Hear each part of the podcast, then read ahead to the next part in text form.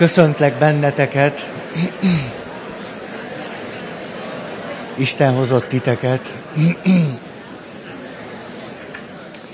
Remélem lesz hangom a mai alkalommal. Azt gondoltam volna, hogy bőven lesz hely. Tényleg ezt gondoltam, mert hogy 160-an közülünk elmentek síelni. És és akkor az, azt úgy kellett volna, hogy legyen hely. De akkor nincsen.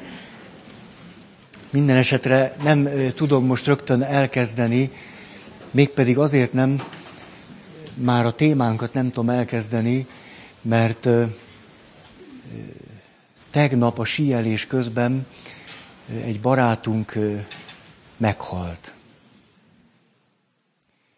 És hogy egy olyan valaki, Attila, aki egészen közénk való volt, és közülünk való volt, és hogy azt gondoltam, hogy ezt elmondom rögtön a legelején, mert nem tudok különben itt egy alkalommal veletek lenni, mert hogy sokunkat ez nagyon mélyen érint, mert ő olyan valaki volt, aki nagyon benne volt a, a kedjeinkbe, és aztán a, a kedden túli sok mindenbe hogy nagyon sokat tett értünk, meg sokat szervezett, és hogy egy balesetben meghalt ott kint tegnap. Attiláról van szó, Hodász Attiláról. És hogy azért is gondoltam, hogy ezzel kezdem, mert hogy vannak köztetek olyanok, akik ezt már tudtátok, és aztán akik nem, és hogy, hogy ez ne így menjen, hanem inkább akkor mondom. És hogy én magam úgy tartok ezzel, hogy sehol se tartok vele. Tehát körülbelül úgy tartok vele, hogy nem fér a fejembe. Hát itt tartok vele. Úgyhogy túl sok mindent nem tudok ehhez mondani, csak azt, hogy ez most még nekem nem fér a fejembe. És hogy eszembe jut az, ahogyan valaki egyszer azt mondta, hogy amikor valakit szeretünk, vagy valaki fontos nekünk, akkor mikor kimondjuk neki azt, hogy szeretlek téged, vagy hogy fontos vagy nekem, akkor tulajdonképpen ezzel a mondattal azt is mondjuk, hogy nem fogsz meghalni. Hogy az valahogy benne van ebben a mondatban.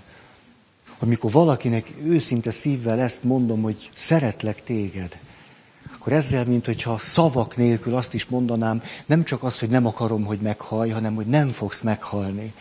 Tehát lehetetlen, hogy valakit szeretek és meghalljon. Ez egyszerűen lehetetlen. Tehát az embernek ez nem fér a fejébe, hogy ez megtörténhet. Hogy valaki fontos nekem vagy nekünk, és akkor ez megtörténhet, hogy ez, ez nem fér a fejemben. Én itt tartok ezzel. És hogy természetesen van bennem, miközben a fejemmel ott tartok, hogy, hogy nem tartok benne sehol, csak hogy nem fér bele, hogy ki, kilöki a fejem ezt a gondolatot, hogy ha közben azért a szívemben van valami olyan rezdülés és olyan bizalom Isten felé, hogyha én emberként azt mondom valakinek, hogy szeretlek és fontos vagy nekem, hogy ebben valahogy azt is mondom, hogy nem fogsz meghalni, hogy akkor van valaki, akit Istennek nevezünk meg, de aki a szó mögött egy nagy titok, és valamiképp az élet forrása, és ha ő azt mondja valakinek, hogy szeretlek, azért annak van súlya. Hogyha ő azt mondja valakinek, hogy fontos vagy nekem, abban sokkal több erő van, mint hogyha nekünk meglennének a szavaink, az erő nincsen meg benne. Ugye, és ezért mondjuk, mondjuk a szavakat, és nagyon vágyunk rá, hogy egy-egy szó mögött valódi teremtő, éltető erő legyen. És ezért nagyon bízunk a szavakban, és néha nagyon csalódunk bennük. És hogy most valahogy így vagyok ezzel, hogy, hogy van az a, az, a, az a szó, amire azt mondjuk, hogy az ige, aki testé lett, és hogy annak az igének van olyan ereje, ami nekünk nincsen. És aztán most én Pannóhalmáról jövök, bencés atyáknak tartok lelki gyakorlatot. De nem akartam, bár azt gondoltam, úgyis kevesen leszünk, és akkor majd elmarad. De aztán, hát arra, azt mondtam Várszegi Asszik főapát úrnak, hogy tudod, az az élet tapasztalatom, könnyű embereket elküldeni, nehéz őket összehívni. És arra gondoltam, ne, ne maradjon el, inkább gyorsan idejövök, aztán majd visszamegyek. De hogy az, hogy most ott vagyok, azért az arra, arra is nagyon jó lehetőség volt, hogy kértem ott a bencés atyákat, hogy vegyük be a mai Szentmisébe, és imádkozzunk Attiláért. Úgyhogy ma az egész Pannohalmi bencés közösség ő érte imádkozott.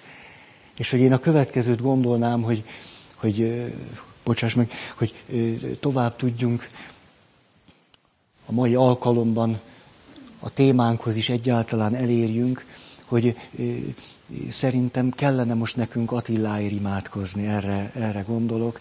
És legyetek ebben szabadok, ha valaki csak csöndben van, az csöndben van, ha valaki tudja mondani a szavakat, mondja, hogy talán ennek most itt van az ideje, hogy most van itt az ideje, nem majd egy óra múlva, hogy arra gondolok, egy nagyon egyszerű üdvözlégy Máriát imádkozhatnánk. És tényleg legyetek szabadok, aki mondja, mondja, aki nem, nem, és de hogy talán, talán a helyzetet értjük, amennyire belefér a fejünkbe. És hogy akkor, Küvi, kérlek, osd le ezeket az erős fényeket, és elég, ha ott egy kicsi marad. És akkor én is leülök.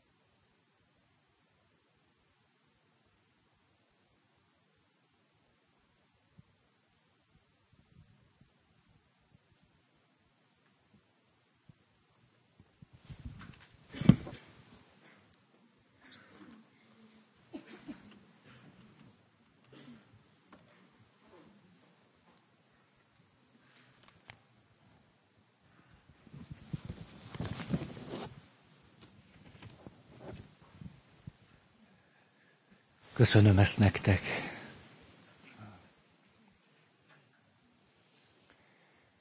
Akkor próbálok alkalmas lenni. Ne, nem lesz könnyű. Eszembe jutott egy történet. Egyszer vizsgáztunk, még levelező tagozatos voltam a teológiám, két évet jártam ott, és aztán lettem nappal is. És a, az egyik vizsga során meghalt egy vizsgázó.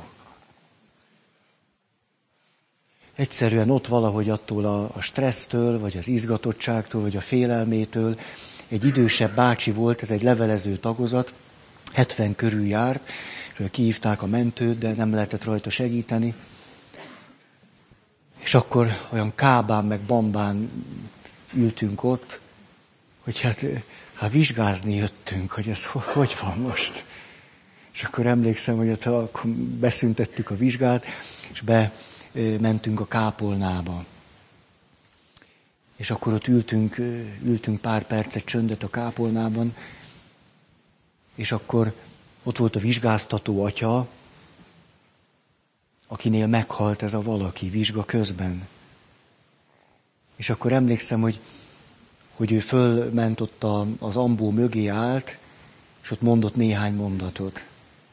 És hogy nem csak az volt nagyon megrendítő nekünk, hogy ezzel a helyzettel ott és akkor tulajdonképpen nem tudtunk mit kezdeni, csak éppen átéltük, hanem hogy ott van a pap, aki talán a legmélyebben érint ez, mert hogy talán a legközvetlenebbül ő, ő hozzá kapcsolódik, és mégis neki kell beszélnie. És hogy támad egy együttérzésünk vele kapcsolatosan. Most valahogy így érzem magam, hogy én is szívesen leülnék oda. Aztán... Akkor most a témánk.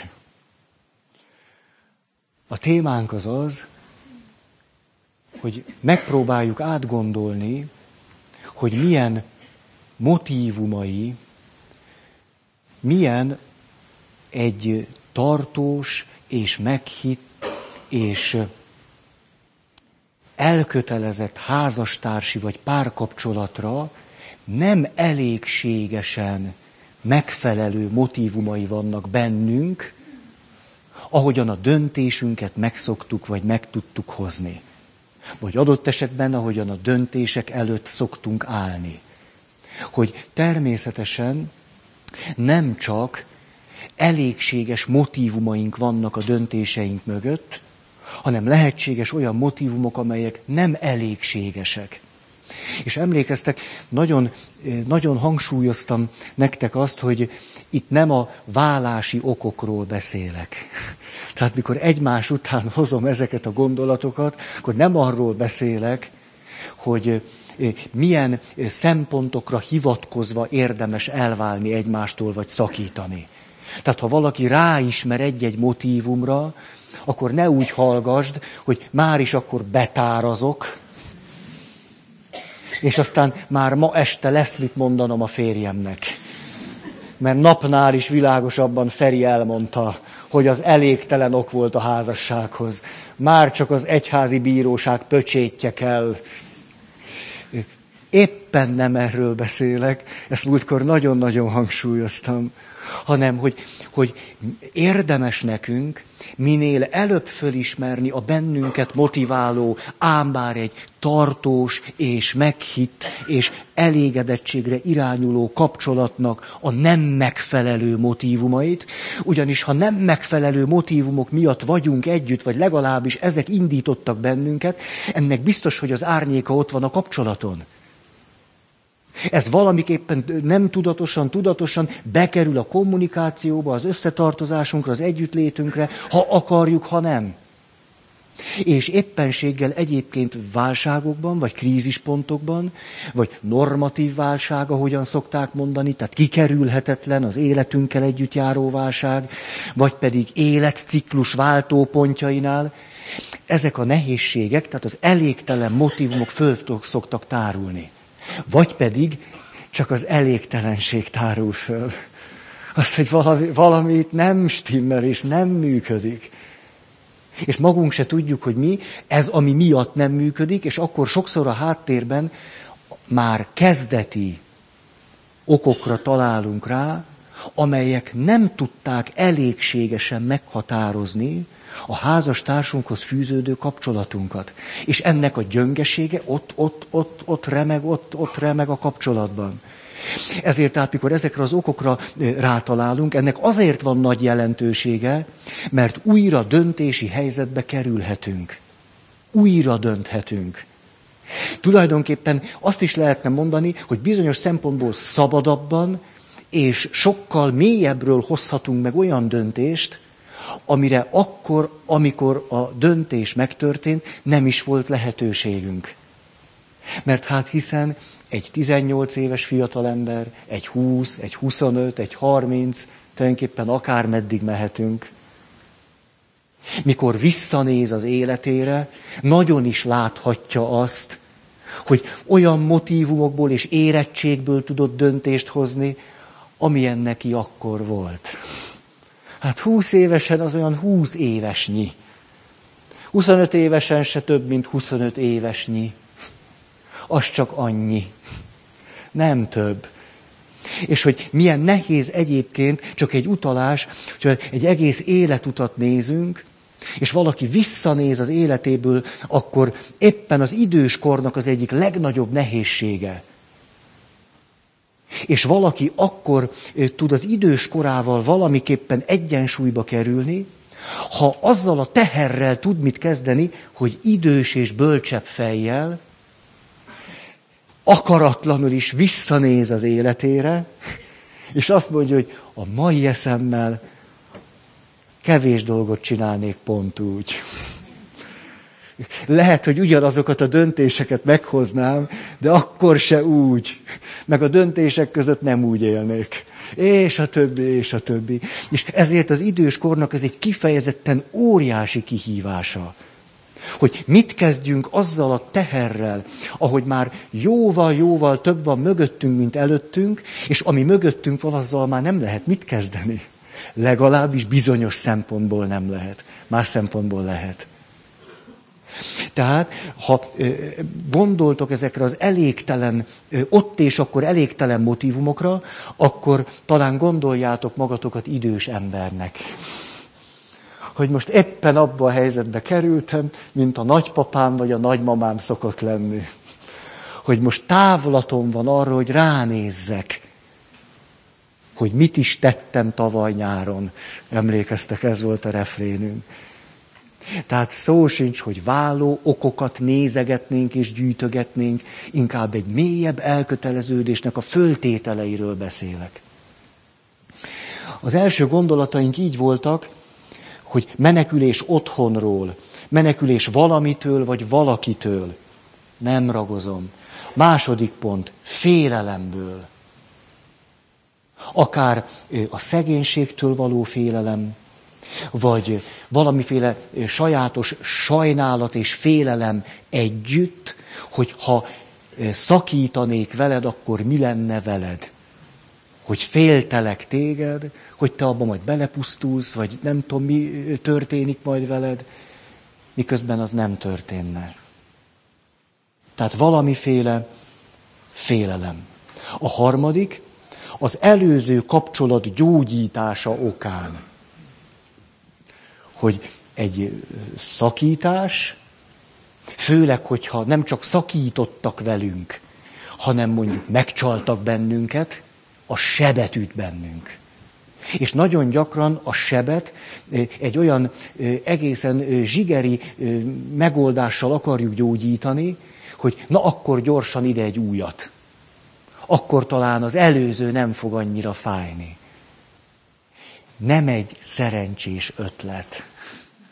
Egyáltalán nem szerencsés. A, ezzel együtt bizonyára volt, hogy voltunk annyira gyöngék, hogy mégis ezt választottuk. Akkor lehet tudni, hogy itt elmaradt egy fájdalomnak, egy szakításnak, akár egy megcsalásnak, egy csalódásnak, egy sebzettségnek a valamiféle meggyógyulása. Ez egyszerűen csak annyit jelent, hogy a szakításnak, a sebzettségnek a fájdalmait, a következményeit, az elvarratlanságát, azt be, törvényszerűen visszük a következő kapcsolatba, és kapcsolatra, egészségedre. Az törvényszerűen akkor így történik.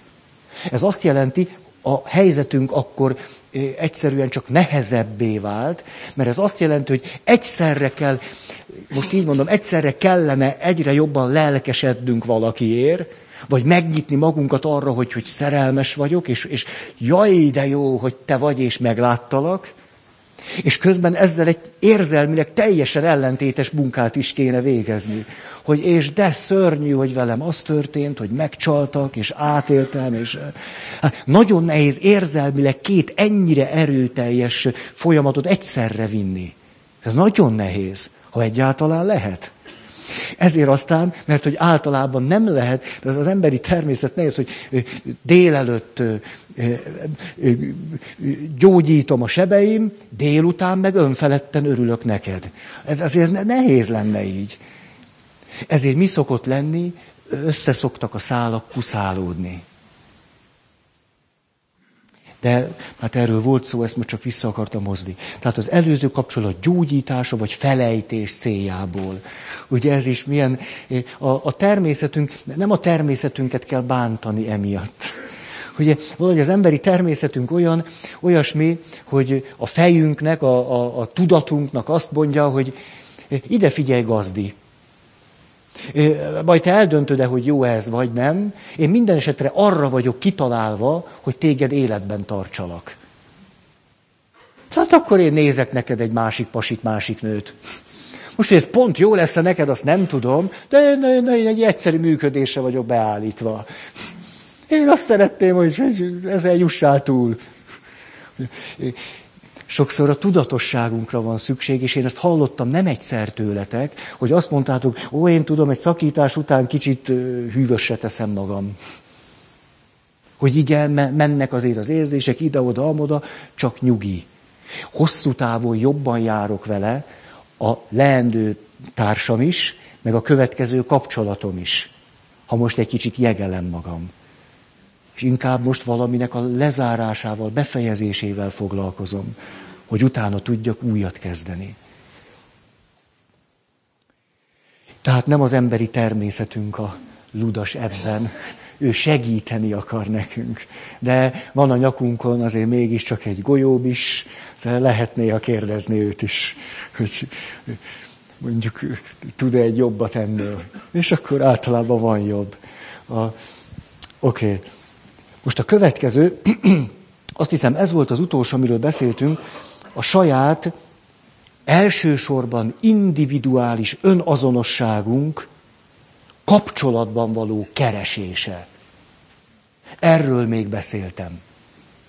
Hogy nyilvánvaló, hogy a társas életben való egy elmélyedésünk, egy párkapcsolat az individuális önazonosságunkra is hatást gyakorol. Nyilvánvaló. De a társkapcsolatban elsősorban és alapvetően a társas énünkkel veszünk részt, és nagyon problémás, ha valaki egy társkapcsolatot eszköznek tekinti arra, hogy úgy elkezdje alapvetően kitalálni, hogy ő ki.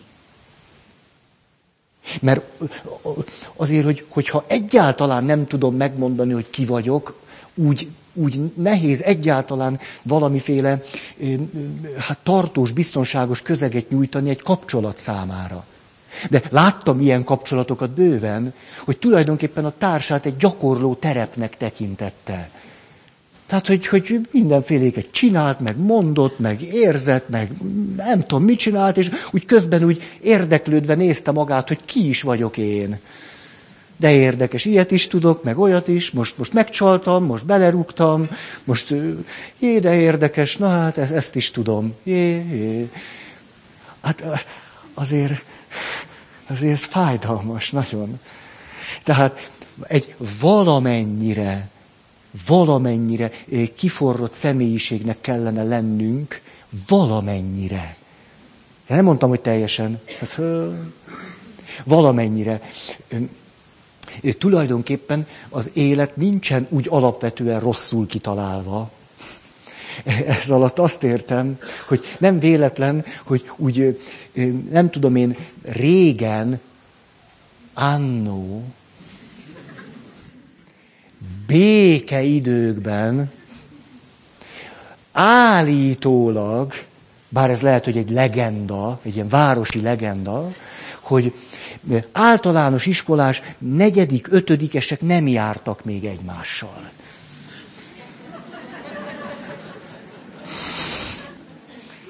Hát, hogy az oviban, hogy egy kicsit még odébb menjek, hát volt olyan, hogy, hogy a lányok összesúgtak, búgtak, hogy kibe is vagyok szerelmes. Volt egy, egy olyan lány, egészen járatlan még a férfiakkal való kapcsolatban, el is mondta a fiúnak. Hát, Hát látszik, hogy ez nem az a kor. Hát mi történik, ha egy öt éves kislány oda megy egy öt és fél éves fiúhoz, és ugye a maga módján úgy elmondja, hogy te, nem gondolod, hogy én lennék a te tündérbogarad? Hogy mondjuk mi szokott ilyenkor történni a nagy csoportban? Hát én el tudom képzelni. Hát megverik. Hát fogazzák, kap jobbról, balról. Hát egy öt éves fiú, hát mit kezdjen ezzel? Hát oda ment egy lány, nem akarod, hogy én a tündérbogarad? Hát, hát egy, egy öt éves fiú mit csináljon ezzel? Hát hova rakja? Hát most, a, most egy, egy negyedikes kisfiú meg kislány, hát, hát most nem, nem akarok részletekbe belemenni, de hát szóval számomra egészen érdekes az, ahogy megy le a kor. Egy, egyre lejjebb, és egy, egyre cikibb, ha te nem jársz 11 évesen valakivel, de már komolyan. Mert, mert alsóba csak úgy lazáztál, és de most így, hogy egy ilyen érettebb 11-es vagy, azért most, hogy körbenézel, és a kivaló hozzád, most akárkivel nem így, így 11 fele. Hát, szóval állítólag régen, hát ez így, hogy régen olyasmi volt, hogy még mondjuk egy középiskolás korunkban úgy, úgy, hát úgy inkább epekedtünk még csak. Illetve nagyszerű lehetőség volt az, hogy közösségekhez, csoportokhoz, stb. tartoztunk, és lehetett kóstolgatni egymást. Jé, ez egy nő. Hmm. Hát én szerintem serdülőkorban ez egy tényleg nagy, nagyon érdekes dolog. Én visszaemlékszem rá, hát ez, ez, ez, ez, ez érdekes. Ez, ez kétség kívül más, mint én. Hát hogy, hogy? És nyilván a lányok is valahogy így vannak ezzel. Hát ezért egészen normális, hogy 16 éves lány még a tanárjába szerelmes. Ez nagyon normális. A, most, most, jó, hát nem tudom, na jó. Ezt, nem, eszembe jutott, a, hogy na jó, hagyjuk ezt.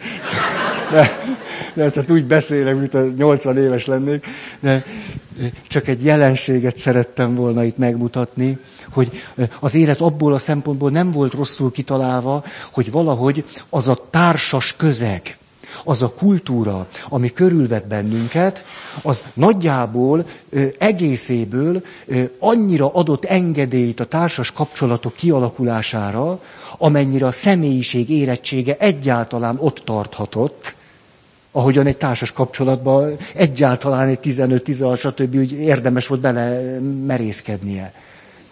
Ma ugye itt egy teljes zűrzavar van, tehát ezt aztán most igazán nem ragozom. Tehát egyszerűen a személyiség nem tartott. Tehát ezt, ezt lehet akárhogy ragozni, de 11 évesen nem tudok ott tartani, de 16 évesen se tudok ott tartani. Hát nem, nem tudok ott tartani, amit esetleg a kapcsolatban meg megpróbálok megvalósítani. E, e, azért a természetnek van valamennyi ideje, vagy, vagy, vagy rendje, vagy ciklusa, vagy valami csodája szokott lenni. És azért akármit nem lehet benne. Tehát lehet kicsit gyorsítani, kicsit lassítani, van ilyesmi, akármit. Hát...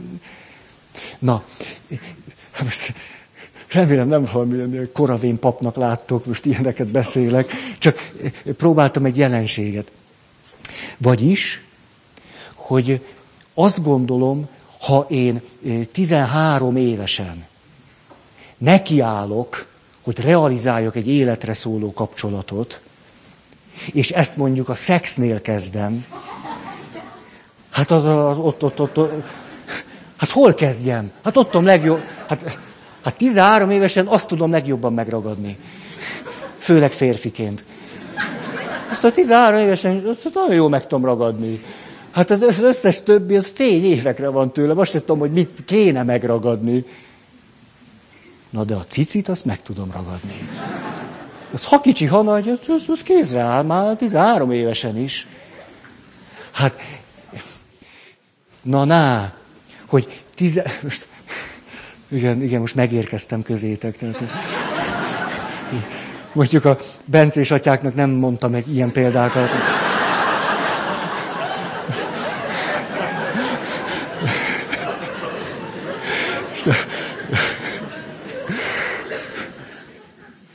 Szóval azt tartom természetesnek, hogy 13 évesen bénák vagyunk. Hát én szerintem az a normális. Hát az, az a normális, hogy 13 évesen keressük egy ilyen alapszinten saját magunkat. Hát tulajdonképpen 13 évesen bizonyos szempontból még el se jutottam oda, hogy magamat keressem.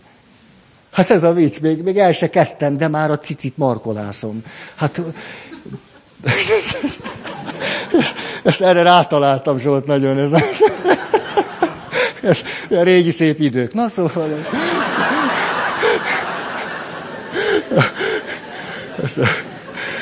De hogy 13 évesen, de hogy 13 évesen tudjátok én hol tartottam? Sose tudjátok meg. Nő, majd biztos ezért, hogy kiadjam itt magam. Hát 13 évesen én azon gondolkodtam, hogy kell csókolózni.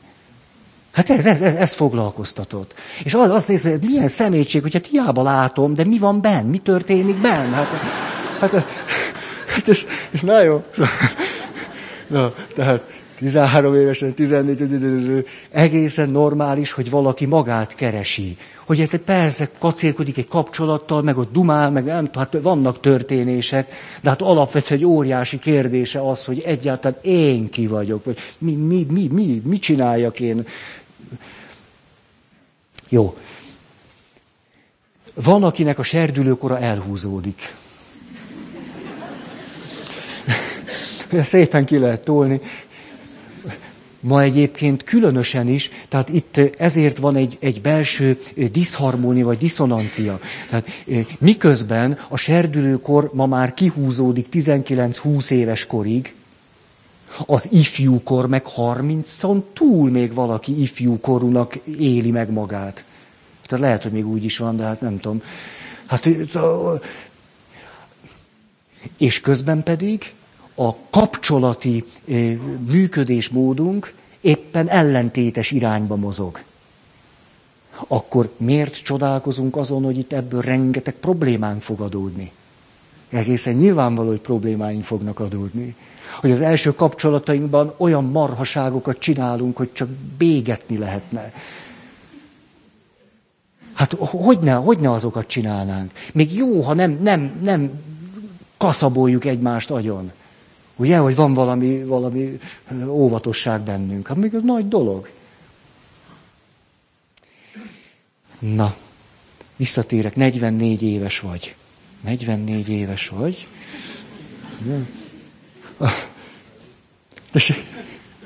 Ja, ben van, persze, persze, mert már előre gondoltam, itt fogom elveszteni a fonalat. Hát egy, ez a minimum, hogy készülök. Most a, akkor negyedik, ötödik pont. Külső kényszer, vagy megfelelni vágyás. A külső kényszer, mondjuk annak a látványos formája régen nyilván sokkal jellemzőbb volt. Ugye a kultúra is más volt, tehát a külső kényszer sokkal jellemzőbb volt, annak a látványos formája. Na de a külső kényszer, ami valójában valamiféle kényszer kívülről, belül azonban annak a sokszorosa. Ugye nem vagyok még elég stabil, elég érett személyiség. Még nagyon fontos nekem, amit apa mond, meg anya. Hát hogy ne volna lehetséges az, hogy az a néhány mondat, amik, ő, amik ő, őtőlük jönnek, bennem hatalmas erejű visszhangot keltenek. És én akarva, akaratlanul, tudatosan, nem tudatosan meg akarok nekik felelni. Hát hogy ne ismernénk ezt? Főleg keresztény vagy kultúrkeresztény körökben sokszor az első házasság erre a házasságkötéskor nem elégséges motivumra épül, vagy erre a motivumra is épül.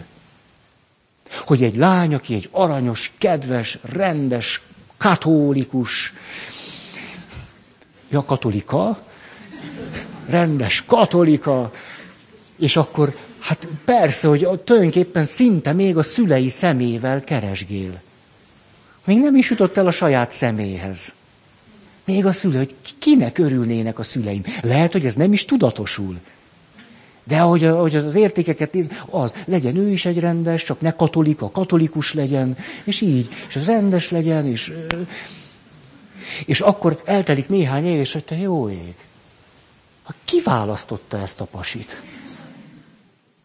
És bizony van, hogy három év, vagy tizenhárom év múlva valakinek egyszer csak kezd, kezd valami, valami beszűrődni, hogy, hogy tulajdonképpen ez az én, én választásom volt.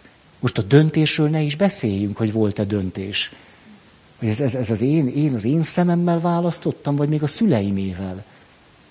Hát ennél rosszabbat is tudok. A pap szemével. Na az aztán már durva.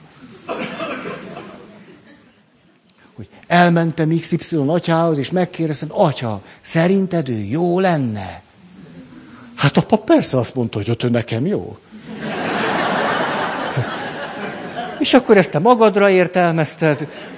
Hát, az, hát ha a pap is ezt mondja, apu, anyu meg úgy kacsint, csak úgy, úgy, úgy. Hát akkor minden oké. Okay.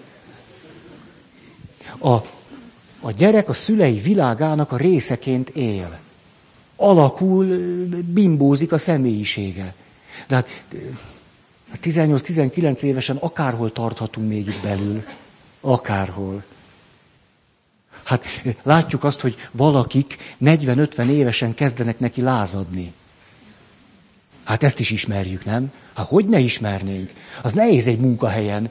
Egyszer csak van egy 45 éves férfi, addig egész, egész normális munkaerő volt, és elkezd kötözködni. És nem, nem érti senki, hogy mi van vele. Hát most 17 éves. Most, és a, a, a, a, a főnökével most meccseli le a cuccokat. Hát ha a lázadáshoz valaki 40-50 évesen ér el, hát már pedig látjuk, hogy így van, Hát nőknél is ugyanígy van, ugye ez a ki a babaszobából Nóra öntudatára ébred. És akkor... Köszön. Gyerekek tőlem vannak? Hogy állítólag az anya biztos, de ilyenkor nem. Ezzel azt akarom mondani, hogy most nézzük ezt az összefüggést, hogy hogy ne látnánk azt, hogy valaki 40-50 évesen jut el a servülőkori lázadásig. Akkor a választása hány évesen történt? Már most, ha a belső órát nézzük. Tehát ezzel megint csak azt akarom mondani, hogy, hogy, hogy van ez így. Hát ezt a bölcsességet tudtam most így. így. Ne is haragudjatok, te egész nap lelki gyakorlatot tartottam, mert most mit vártok tőlem? Tehát, hogy persze, mikor rájövök, akkor nehéz. És nem, nem, nem a ti bőrötökön derülök, ez nem derülök rajta egyáltalán. Viszont nem is esek kétségbe. Hát én, én aztán pláne. De, de hogy ténylegesen azt gondolom, jó, erre rá lehet jönni. És akkor utána nőtt a szabadság tere. Nőtt, nőtt a döntési lehetőség. Igen. Tehát ne, ugye könnyen, elmondom én, hogy voltam ezzel. Mikor újból és újból rájöttem a ö, ö, papságom ö, ö, elégséges és elégtelen motivumaira, volt benne elégtelen bővem, mikor én úgy, úgy, úgy, úgy érzelmileg úgy, úgy följött idáig, így a fejemig, hogy mit tettem tavaly nyáron, akkor az majdnem mindig én bennem azzal a mondattal társult, hogy na, akkor elszúrtam az életem. Úgy az első ösztönös mondatom nekem mindig ez volt. Úgy gondolkodás nélkül, hogy gah, jött kifele. De jó, azért, azért nem rohantam rögtön a püspökig. Hanem ah, ah, ah, aludjunk rá egyet. Ígyunk egy kólát. Ez a kettő majdnem a problémáim 50%-át meg szokta oldani. De lehet, hogy keveset mondtam. De, tehát, hogy így akarom ezt nektek mondani. Így. Okay. Igen. Igen, ez a külső kényszer vagy megfelelni vágyás úgy lehetne összefoglalni, és ezzel tulajdonképpen még tágabbra vonjuk a, a, ennek a pontnak a, a körét, hogy tulajdonképpen a döntés nem rólam, de még csak nem is rólad, hanem valamiképpen egy harmadik szeméről szól. Talán ez a legprecízebb megfogalmazás. Mert ebben nagyon sok minden belefér. Hogy kik és ki lehet az a harmadik személy, aki abban a döntésben nyomósabb motívum, mint te, vagy én, vagy ketten együtt. A... Mondok erre egy példát. Saját életből lesz. Talán ezt említettem. Hát nem tudom. Mikor, hogy mi történt velem akkor, amikor ráébredtem egy papság felé való döntésem elégtelen motivumának. Ra. Hm. Az történt, hogy a nagypapám az apai nagypapámnak az élet történetén, ahogy töprengtem, meg gondolkodtam, meg újból és újból mentem apukámhoz, és kértem tőle, hogy, hogy beszéljen nekem a nagyszüleimről, meg a dédszüleimről. Nagyon hálás vagyok egy történelem tanáromnak, aki 17 évesen, mert történelemre fakultáltam, azt mondta, hogy na hát a történelem fakultációnak egy fontos része a családtörténet. És 17 évesen arra szólított föl bennünket, hogy kezdjük el kutatni a családfánkat. És ennek nagyon sokat köszönhetek. Egy egyszerű történelemtanár, aki úgy mondta az anarhiát és monarhiát, hogy anarkia és monarkia. Ezzel együtt adott egy jó ötletet az élethez. És ennek során ugye akkor mentem az apukám, te apa, az hogy volt, és ez hogy volt, és a, a déd nagyapám egy erdélyi csíki favágó. Két méter magas, nagy. Szóval hol az a fa? Hát egy favágó, hát mit kérdezzen? Tehát, és a, ugye a déd nagyapám, és akkor születnek a, a gyerekei, és az összes gyerek otthon marad csíkba, kivéve, mint ugye a népmesébe, hogy az én nagyapám az egyetlen valaki, fogja a tarisznyáját, és mikor csíkból elindultam, egészen eljutottam Rákos palotáig. Ugye, és ő egy nagyon tehetséges fafaragó. Ott gyönyörű dolgokat csinál, hallatlan, ügyes a keze, és a fiatal ember azt mondja, hej, haj, na majd én megcsinálom itt pöstön a szerencsémet, majd én egy szobrász leszek. Apai nagyapám. És mi történik? Megy erő az élete, fív, nem tudom, mit csinál, farag, fúr, fúr, nem tudom, mit csinál. Ja, csinálja, amit kell, és szép dolgok kerülnek a keze alól, és azt mondja, na, na, érdemes volt nekem Pestre jönni. Ó. Igen. Na és mi történik vele? Hát, mint minden normális férfivel,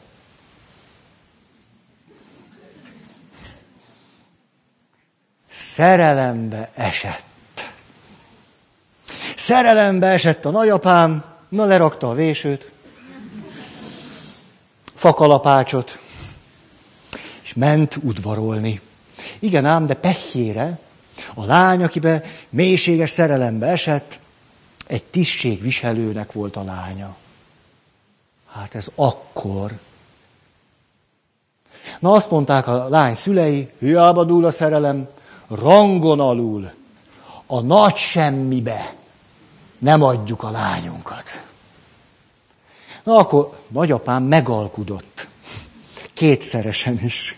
Az egyik az, hogy na most akkor hivatás, vagy a nő? Hivatás, vagy a nő?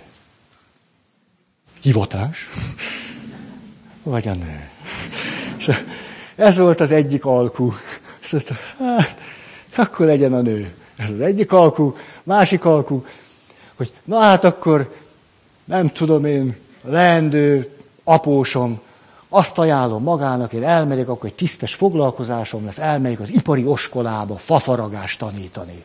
Jó lesz-e? Ugye rendes volt a após, azt mondta, jó, csapjon a markomba. Ez a déd nagypapámnak a történet a mi szempontunkból. Ezután már csak a maga kettelésére farigcsált ezt-azt. És mikor én azon gondolkodtam, hogy 18 évesen, mikor egy osztályfőnöki órán bejött a KISZ megbízott, és azt találta mondani, hogy fölolvasom azoknak a listáját, akiket a KISZ nem javasol továbbtanulásra. Na most ezen a listán azt hiszem én is szerepeltem, és ez bennem mélységes dolgokat indított el. Szóval, én meg akkor nem megyek se főiskolára, se egyetemre, kommunista átnevelő, izé, bástyájába, izé, szocpol, tanulni, majd én egy rendes melós leszek.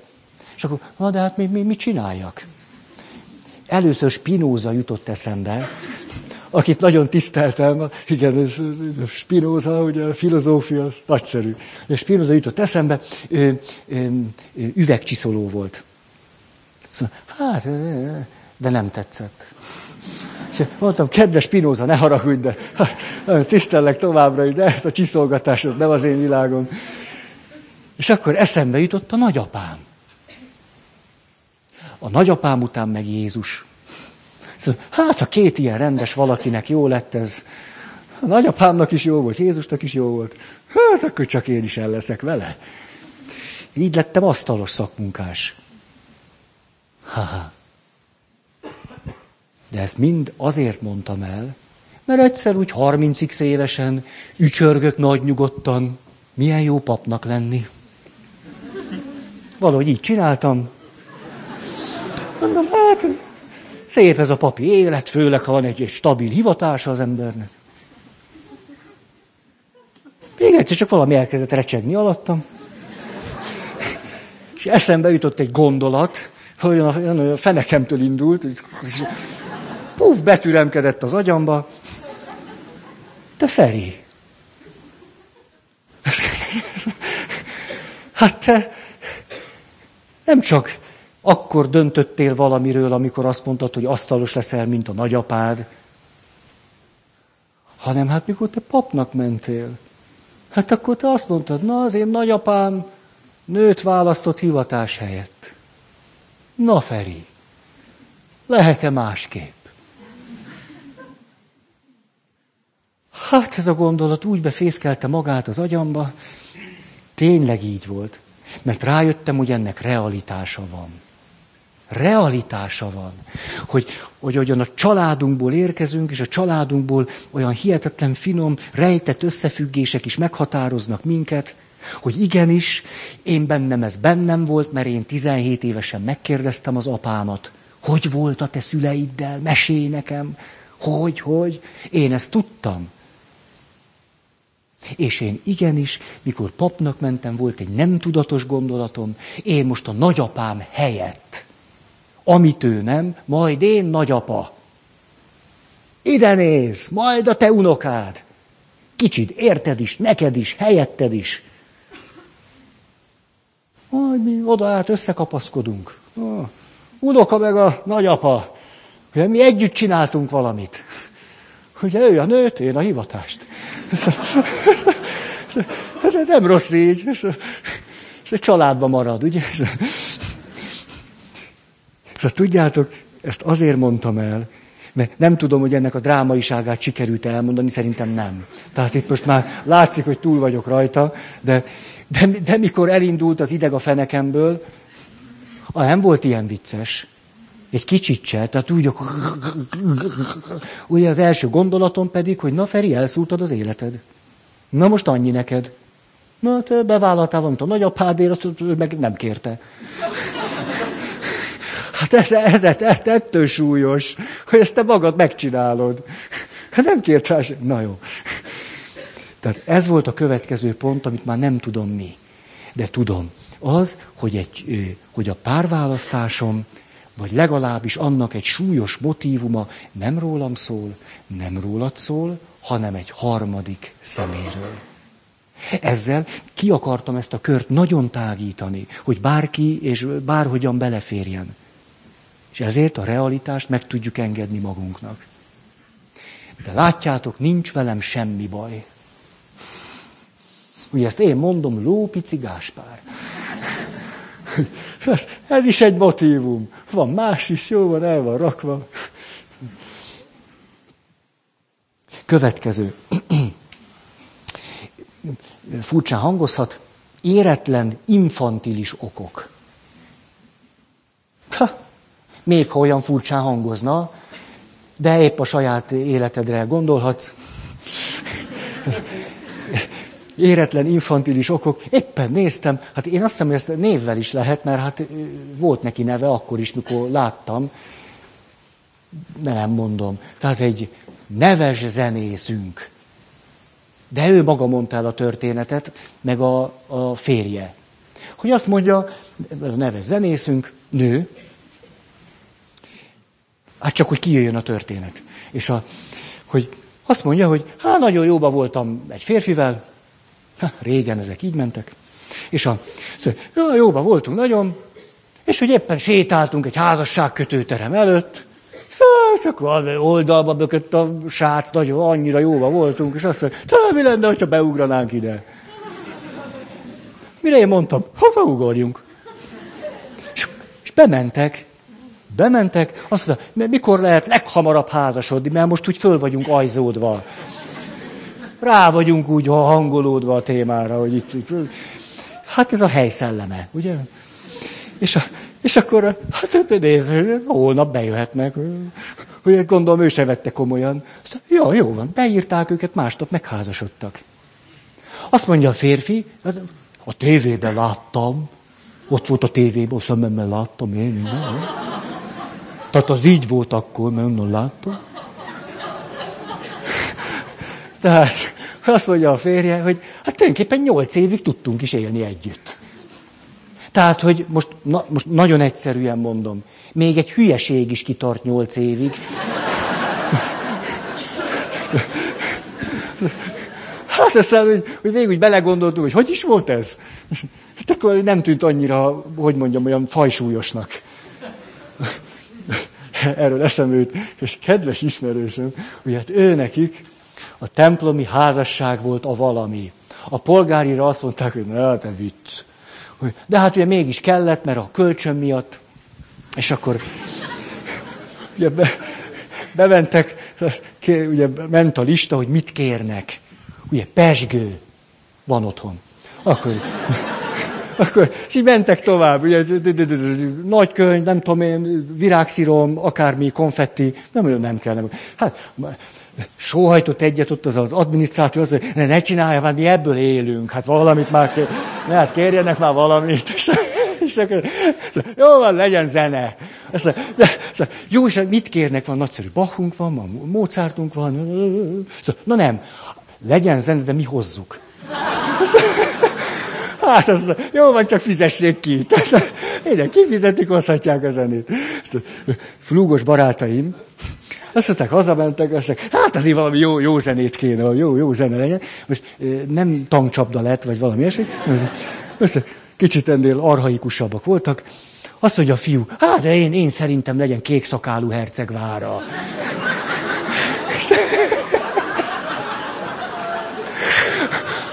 Azt a lány, jó, tudok ezzel azonosulni. Ezt, de legyen az. És, és képzeljétek el, ez az esküvőn fogták is be, Judit, a, kul- a kulcsot. És, ez egy komoly belépő volt.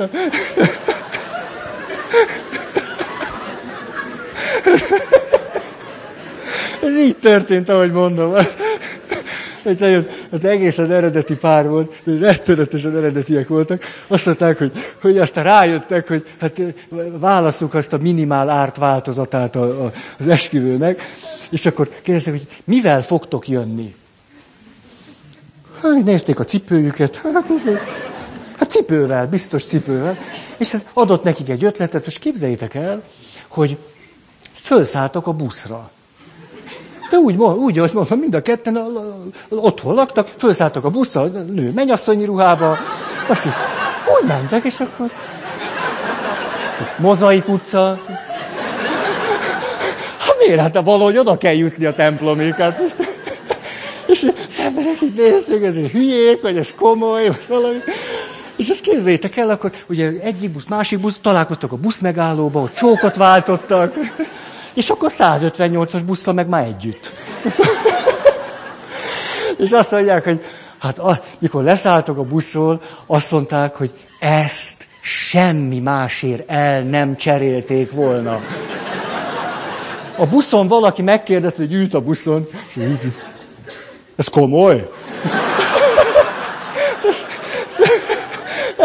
Ők úgy állnak, hogy hát, ez teljesen. Ez, erre megtapsolták őket. Kaptak egy vastapsot a buszon, leszálltak, mentek a templomba.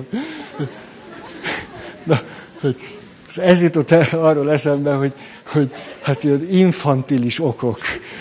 Hát, egy jó ötlet. Ugye tudjátok, mint a hét mesterlövészben. Mikor kérdezik, hogy most a hétből ki ki, az nem tudom, de az egyik kérdezi a másikat, hogy te, a,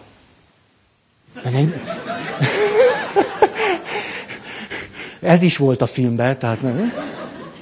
És akkor, mikor kiköhögte magát az egyik mesterlövész, akkor azt kérdezi, hogy te, most mindent értek, tehát, hogy miért öltünk, mikor menekültünk, minden rendben van, és azt mond meg nekem, amikor az első dördülés elhangzott, miért ugortál bele a kaktuszbokorba? Mire a válasz? Ott és akkor jó ötletnek tűnt.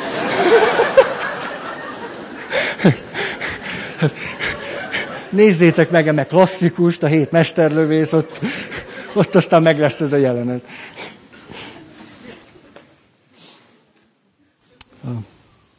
A, a, mondanék még, nézem, mennyi az idő, El, elvesztettem a fonalat, hogy a kutatások azt bizonyítják, és ebben van jó hír is, hogy amikor mélyen átéljük az érzéseinket, illetve az érzelmeinket, majdnem mindig azt gondoljuk, hogy azok sokkal tartósabbak lesznek, mint amilyen tartósak azok valójában. Ennek van jó meg rossz oldala. Tehát amikor mondjuk szerelmes vagyok, akkor azt mondom, az biztos, hogy kitart. Ez egy pár évtizedre, hát ha, ha úgy elnegyedelem is elég lesz, hogy ez aztán ki fog nekem tartani. És két év múlva meg, hogy volt? Hogy tudtam ezt én szépnek látni? Nem őt, tehát ezt a vonását. Ezt a, e, hát ez szerintem annyira nem változhatott meg. Tehát az érzelmeinket, amelyek nagyon átjárnak bennünket, azt gondoljuk, hogy nagyon hosszan fognak tartani. E, e, e, ez a pehes része. A szerencsés része meg az, hogy amikor például rettenetesen szomorú vagy, vagy rettenetesen dühös, vagy rettenetesen csalódott, vagy iszonyatosan kiábrándult, akkor is azt gondolod, hogy ez úgy, úgy nagyjából megfelezed, akkor is élethosszig fog tartani. És nem így van. Ez a jó hírem. Minden esetre azonban, ahogyan az érzéseink és az érzelmeink átjárnak bennünket, sokszor valóban ezzel az illúzióval borítanak el, hogy ez mindig így lesz. És ez nem így van. De amikor éppen azt gondolom, hogy mindig így lesz, hogy egyébként hát van egy csomó problémám, de amit érzek a stimmel, az érzés hús, és a problémák maradnak. Ugye, ez egy húzós helyzet. Ezt érdemes azért tudni. Nem véletlenül, amikor autót vezetünk, tanulunk vezetni, akkor azt szokták mondani, az okos autó, ok, vezetési ok, autó, oktató, ok.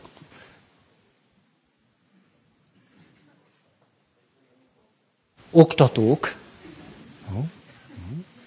tehát akik az autóvezetést oktatják, hogy akkor mondhatod magadról, hogy megtanultál vezetni, ha egy egész évet végigvezettél már. Tavasz, nyár, ősztél. Tehát hiába van jogsíd, és hiába tudsz nyáron vezetni, még nem tudsz ősszel. Ősszel nem tudsz télen, még nem tudsz tavasszal. Akkor lement egy év, akkor mond egyáltalán azt, hogy tudok vezetni. Nem az, hogy jól, hogy tudok. Ön, ön, nagy, éppen most hallottam, a, a, a, hogy a bencés rendben is, emlékeztek tavaly, vagy tavaly? Múlt alkalommal mondtam ezt nektek, hogy ha egy 18 éves fiatalember jelentkezne papnak, én azt mondanám, hogy menjen egy kicsit stabilizálódjon. Ugye ne, ne kapkodjuk azt el annyira. Hogy hát most kiderült, hogy a bencés atyák így járnak el. Bizony, bizony nem vesznek már föl 18 évesen. Hát látjátok. Átment. Na, szóval ennyit akkor arról, hogy éretlen vagy infantilis okok, illetve nagyon tartósnak vélt érzések vagy érzelmek, amelyek elégnek tűnnek. Következő, fú, na ebben még most belehúzok. Jön a baba. Ez nehéz. A, ez egy nagyon árnyalt kérdés. Fú, hát ezt legalább több felől kell mondani. Először a statisztika. Mit gondoltok, hogy a házasság kötések hány százaléka történik, nem azt mondom, hogy azért, inkább, hogy arra föl, hogy jön a baba.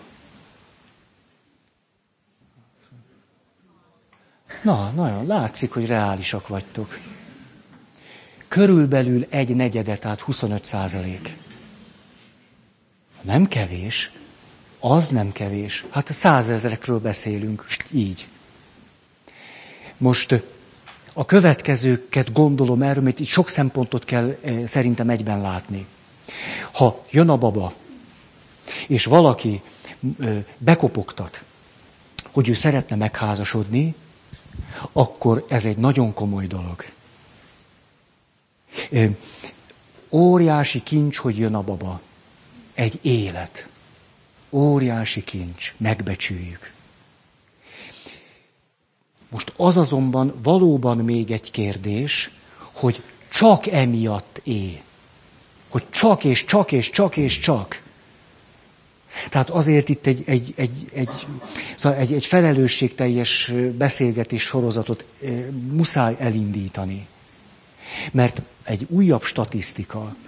Mit gondoltok, hogy ma Magyarországon, azt hiszem ez tavalyi statisztika, vagy tavaly előtti, hogy mikor a gyerkőc egyéves, hány százaléka az egyéves gyerekeknek már egyszülős modellben nő? Ó, azért az ennyire nem durva. Az úgy képzeljétek el. Tehát egy éves a gyerek. Aha. Igen, tíz százalék. Tíz. Hát az egy bődületes dolog. Az bődületes. Hát tíz, most fölnövő tíz gyerekből egy egyetlen szülővel nő föl, mióta az eszét tudja. Az bődületes. Ő akkor nagyon nagy odafigyelésre, törődésre, hát, na, nem, nem értitek. Nagyon-nagyon-nagyon. Most ezért, hogyha ezt, most ezt a két statisztikát egymás mellé akartam állítani. Tehát azt gondolom, hogy ha van egy férfi meg egy nő, és vannak egyéb motívumai, akkor azért fújhatunk, hogy hú, jó, jó, azért van más is. Ha csak ez az egyetlen motívum, és egyébként hogy azt gondolnák, hogy nem, még akkor is lehet, hogy érdemes megházasodniuk. Még akkor is, mert nem tudhatjuk, hogy éppen az, az, hogy, hogy gyermekük lesz, és hogy apa lesz, és anya lesz, hogy az, az mit, mit tesz velük, és hogy ők hogyan nőhetnek föl ehhez a helyzethez, hogy hogyan vállalhatnak valamiért felelős. Ez, ez, ez, ez, nem mi döntsünk helyettük. Tehát még ott, még ott is. E, e, ez, ez valahogy egy ilyen, ez nem szakirodalom, csak ilyen papi eljárásmód. A, de abban is biztos vagyok, hogy minden áron ne. Szóval minden áron ne. Mert, mert lehet, hogy jobb, hogyha ha valamit egész nyíltan és nyilvánvalóan valaki nem vállal, hogy akkor azt vállalja. Hogy lehet, hogy jobban járnak, ha azt ő ott rögtön vállalja. Ismerek ilyen férfit, aki rögtön megmondta, hogy te, én emögé sose tudok beállni.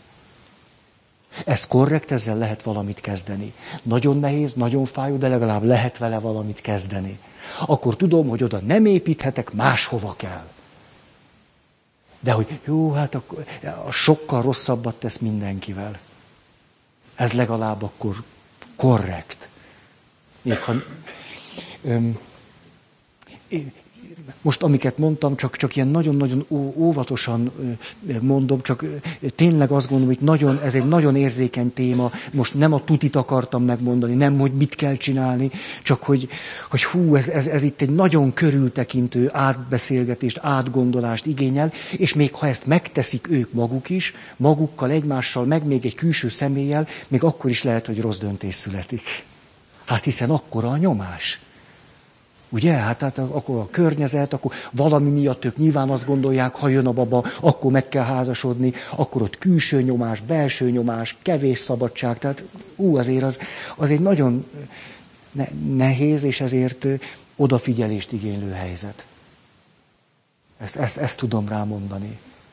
De, de, de azt gondolom, hogy, hogy ahol valakivel ez így történt, ott azért bizony ez egy későbbi munka kérdése lesz akkor. Hogy igen, akkor hogyan tudok megint szabadabban elkötelezni, vagy dönteni, vagy igen, ezt gondolom, hogy, ez, hogy a gyerekeknek is ezt tenne jót. Ha ő akkor ezt beismerne, azt mondja, igen, így van, és ezzel kezdene valamit. Ó. Igen. Talán erről ennyit tudok. Igen, talán még azt, hogy, hogy, hogy hatalmas, tehát ugye van valahogy egy ilyen elvünk, hogy a kiszolgáltatottat és a védtelent kell támogatni. Hát egy gyere, a, a házasságban, vagy egy családban az elsősorban a gyerek, vagy a gyerekek, nyilván.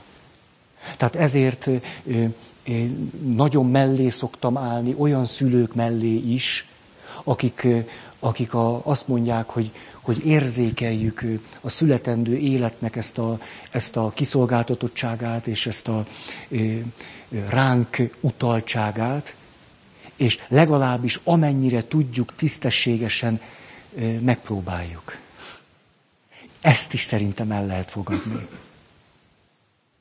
Ugye persze a rossz érzéseimettől csak növekszenek, ugye, hogy egy, egy, egy gyerekkel kapcsolatban valamit megpróbálunk, azért egy kicsit, de, de az a tapasztalatom, és tudnék erről is történeteket mondani, hogy egészen lehetetlen, instabil állapotból indul valami, és a felek hozzá nőnek. Egyszerűen belenőnek a saját életükbe. Van ilyen. Van ilyen.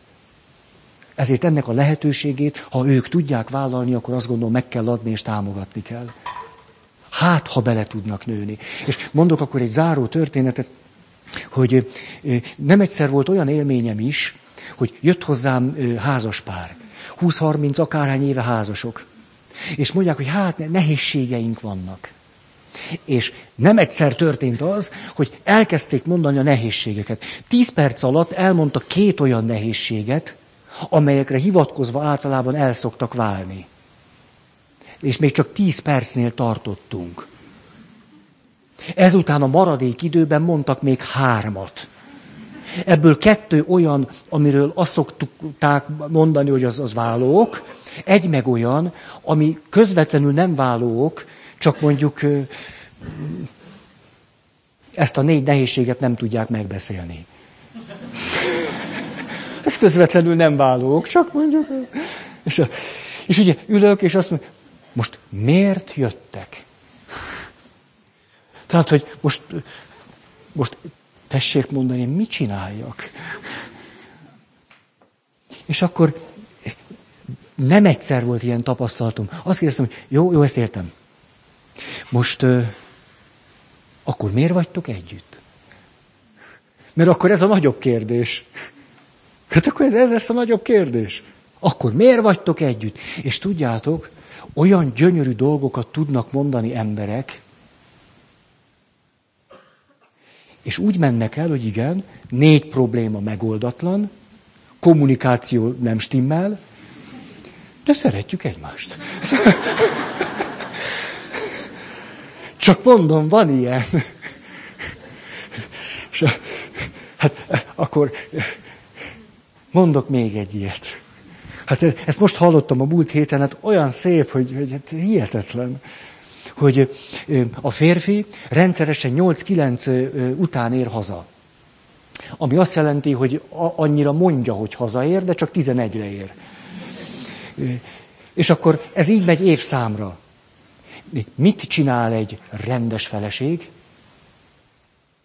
Kiakad, kipusztul, mint a öntözetlen fikusz. Szóval, de nem ám így, ami főhősünk. Mert az egyik este, a 747. este elgondolkozik a sorsán. Hát végül is, hogyha most euh, még 40 évig ezen túráztatom magam, hogy, hogy nem jön haza, én szerintem nagyon boldogtalan leszek. Igen, ez így lenne. Ugye kell a megerősítés az embernek. Hát én azt hiszem, hogy akkor én ezt elengedem. Akkor az esti dolgokban magamra fogok számítani.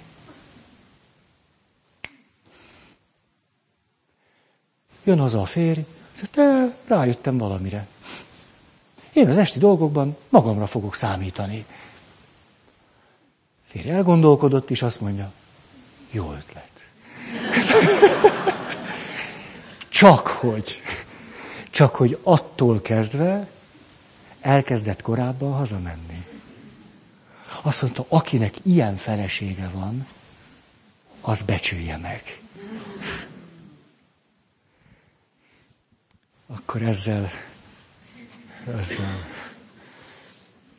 És akkor mondjunk egy, nem is, akar-e valaki hirdetni?